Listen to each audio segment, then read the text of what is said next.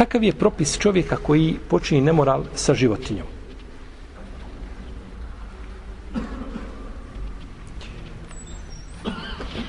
Ovo je znači u a, određenim evropskim državama ozvaničeno i dozvoljeno. Kao u Belgiji, u Danskoj, u Švedskoj, bila je i Njemačka jedno vrijeme, ne znam, je to ukinulo, davno to dozvolili prije 70. godina. Dozvolili su, znači, javno. Neki su postavili uvjete ako životinja ne može to podnijeti, ako je prisiljena, nije dobrovoljno, onda ima nekakva sankcija, e, mutavanja, nekakvo opakivanja, znači da se ozvaniči ono što je ovaj. Razgovarali su i gore o to, razgovarali su znači i na određenim parlamentima da dozvole znači da e, otac ima intimni kontakt sa svojom kćerkom, da se i to i sin sa majkom i slično tome. Allahu dragi, čudno je samo kako na nas, nas koliko je Allah uzvišeni milostiv prema nama da nas ne zaspe kamenjem. Da ustane ujutro da je sve pokriveno kamenjem, niš, ništa živo ostalo nije. Da ljudi mogu raspravljati znači o stvarima o kojima ne, ne, ni životinje ne bi raspravljali. Kada je u pitanju čovjek koji počini, znači, kažemo, nemoral, ako ga možemo tako nazvati, jeli, ovaj, sa životinjom,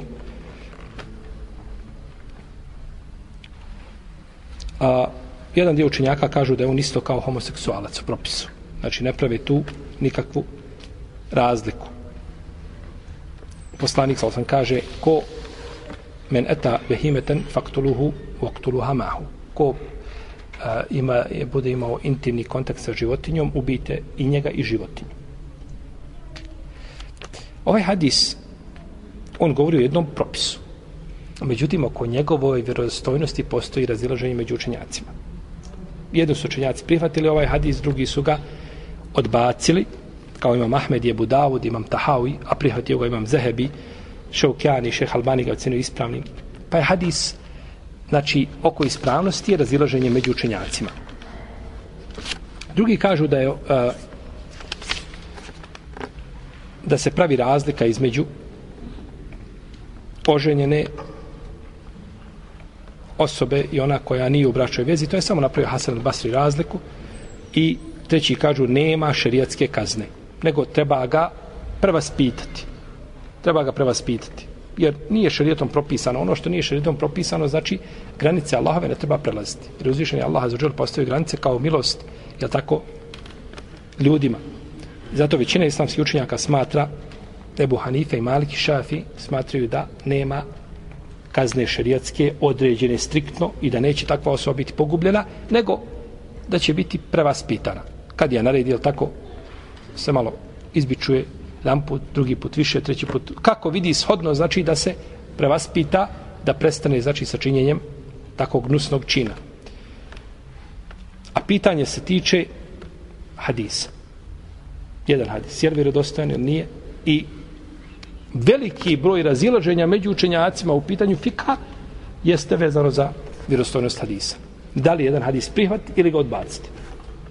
I o tome, znači, kada dođete do, do, do, do razilaženja, uglavnom se, znači, tiču ovoga pitanja. A to je prihvatanje i odbacivanje hadisa.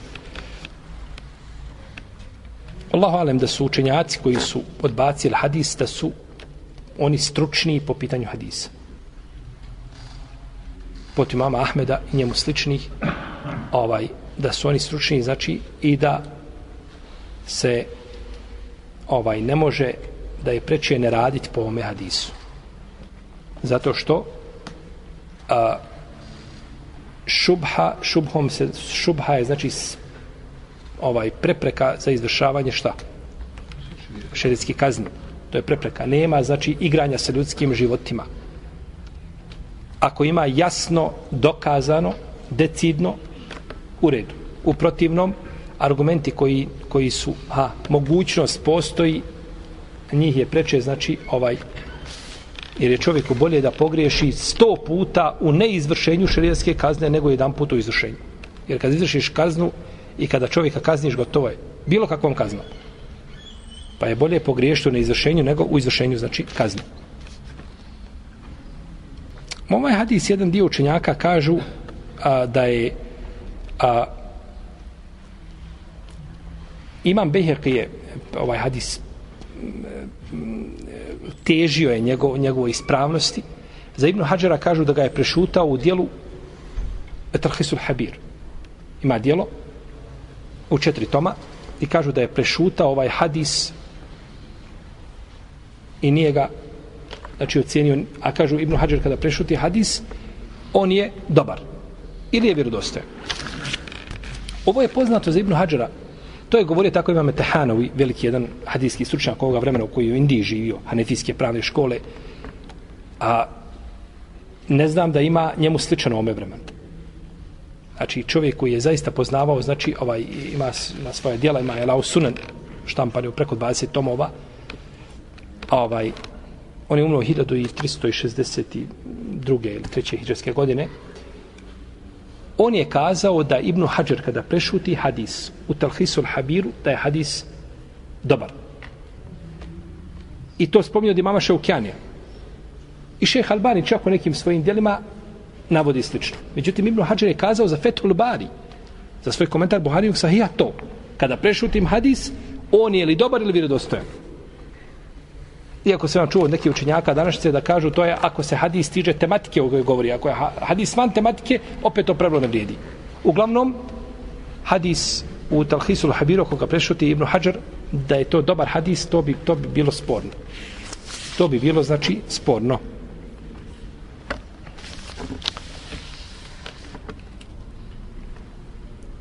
Uh, Pa kažemo pitanje hadisa. Onaj ko prihvati hadis i izvrši kaznu, on ima pravo na to. Kod njega je potvrđeno da se čega? Argumenta. I on uradi to. Jer u fikhu, braćo, svako je u fikhu pogodio po kom god čovjek mišljenju u fikhu da radi, pogodio je. Jer u redu. U fikhu. Po kom god mišljenju da radiš, pogodio se. Pod jednim ustavom. Da želiš istinu tim mišljenjem što se odabrao da se želio šta? Istinu. Ti došao, imamo pet mišljenja po određenom pitanju. Analiziraš jedno, drugo, treće, četvrto i odabereš zadnje mišljenje koje su odabrala dva ili tri učenjaka. A izrazi ta većina kazala suprotno tome, ali ti kaže, ja gledam argumente. I Allah mi srcem se smirilo da je ovo Allahova vjera i da je ovo Allah objavio poslaniku sa osam. I radiš po tome. Nagrađen se kažemo, ali uz ovaj šta? To ovaj je uslov.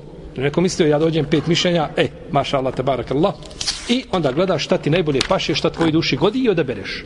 To je zabluda. Iako je fik, to je zabluda. Moraš tim odabirom tog mišljenja ženeti šta? Istinu. Ili ako nisi u stanju ti sobom da odabereš ono što je najjače i najispravnije i najbolje, onda pitaš nekoga kome najviše vjeruješ. Pa ti on kaže tako je i tako je. I ti slijediš zato što ti je kazao neko kome šta najviše vjeruješ. A nekada dođe pitanje vezano za žene, ti znaš da ima jedan, je tako, koji je po pitanju žena, kod njega je med i mlijeko. Ala berketila, može sve. Drugi kad kodješ po pitanju halala i harama, malo je harama kod njega. Uglavnom su halale. Kada, I onda sebi biraš da dobiješ šta? Mišljenje koje ti godi. To je haram. I zato kažemo, čovjek koji sedi u fiku, bilo koje mišljenje, osim Allaho dragi da se radi o nekakvom izdinom mišljenju koje nema veze s argumentima i čovjek vidi to, ali slijedi mišljenje i odabere, želeći time Allahovo zadovoljstvo njegovo lice i poistovjetilo mu se da je to mišljenje najispravnije, nema znači smetnje u tome, imaće, imaće nagradu za to što slijedi. Jel u redu? Pa tako i po ovom ovdje pitanju. Tako je znači po pitanju izvršenja znači kazni ovaj kada bi čovjek poistovjetilo mu se ispravnost hadisa i nakon toga radio po hadisu ovaj nije čovjek nego ko? Kadija Kadija znači radio po tom mišljenju ili jedna pravna škola u jednoj zemlji slijede to, to mišljenje i nakon toga znači ovaj rade po njemu, oni imaju nagradu. Pa je, kažemo, ovaj, ta, ta, ta vjerostojnost hadisa jako utječe znači na fik, jer se većina fika gradi na hadisima, a oko m, dobrog dijela hadisa islamski učenjaci imaju znači različite mišljenja, pa ovaj stoga jeste ovaj došlo do jeli, podjela.